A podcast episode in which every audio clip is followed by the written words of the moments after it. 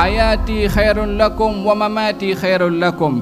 Hidup aku membawa kebaikan kepada kamu dan setelah wafatnya aku pun juga membawa kebaikan kepada kamu. Kata mereka as-sahabah bertanya bagaimana setelah wafatmu wahai Rasulullah membawa kebaikan kepada kami. Nabi menjawab akan disampaikan kepada aku amal perbuatan kamu. In wajadtu khairan hamidullah. Kalau aku dapati amal perbuatan kamu baik, maka saya bersyukur kepada Allah. In wajadtu ghaira dhalik istaghfartu lakum. Kalau aku dapati amal perbuatan kamu tidak baik, maka aku memohon ampun kepada Allah.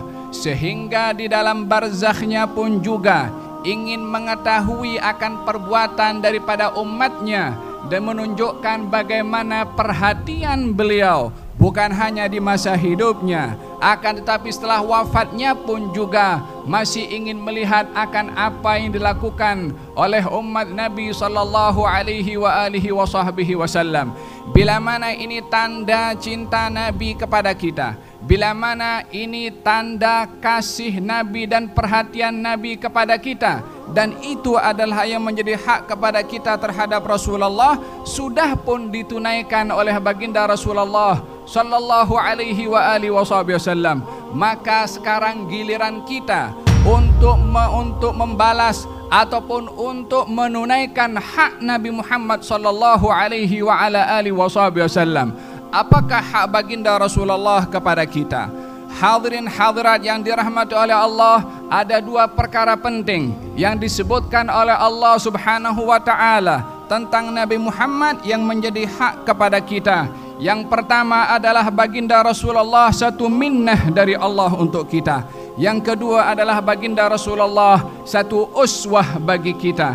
Oleh sebab yang demikian di dalam Al-Quranul Karim, Allah Subhanahu wa taala berfirman, "Laqad mannallahu 'alal mu'minina idh ba'atha fihim rasulan min anfusihim yatlu 'alaihim ayatihi wa yuzakkihim wa yu'allimuhumul kitaba wal hikmah wa in kanu min qablu lafi dhalalin mubin."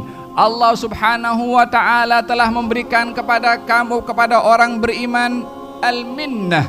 Kata Syekh Muhammad Mutawalli Sya'rawi rahimahullah mengatakan bahwasanya minnah ini adalah satu hadiah yang menerima hadiah tidak dapat membalasnya karena terlalu agung dan besarnya hadiah tersebut.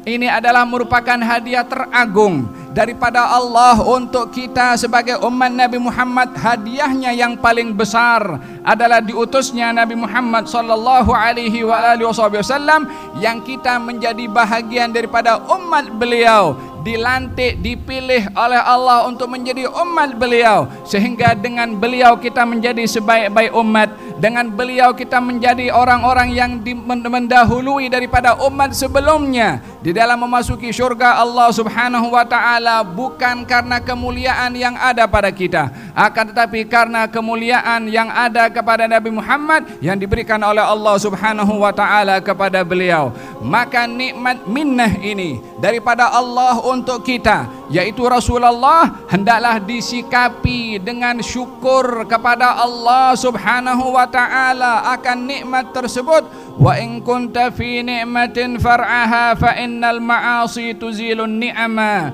Kalau kamu berada mendapat nikmat daripada Allah hargai nikmat itu. Karena bermaksiat terhadap nikmat Allah akan menyebabkan diambilnya nikmat tersebut oleh Allah Subhanahu wa taala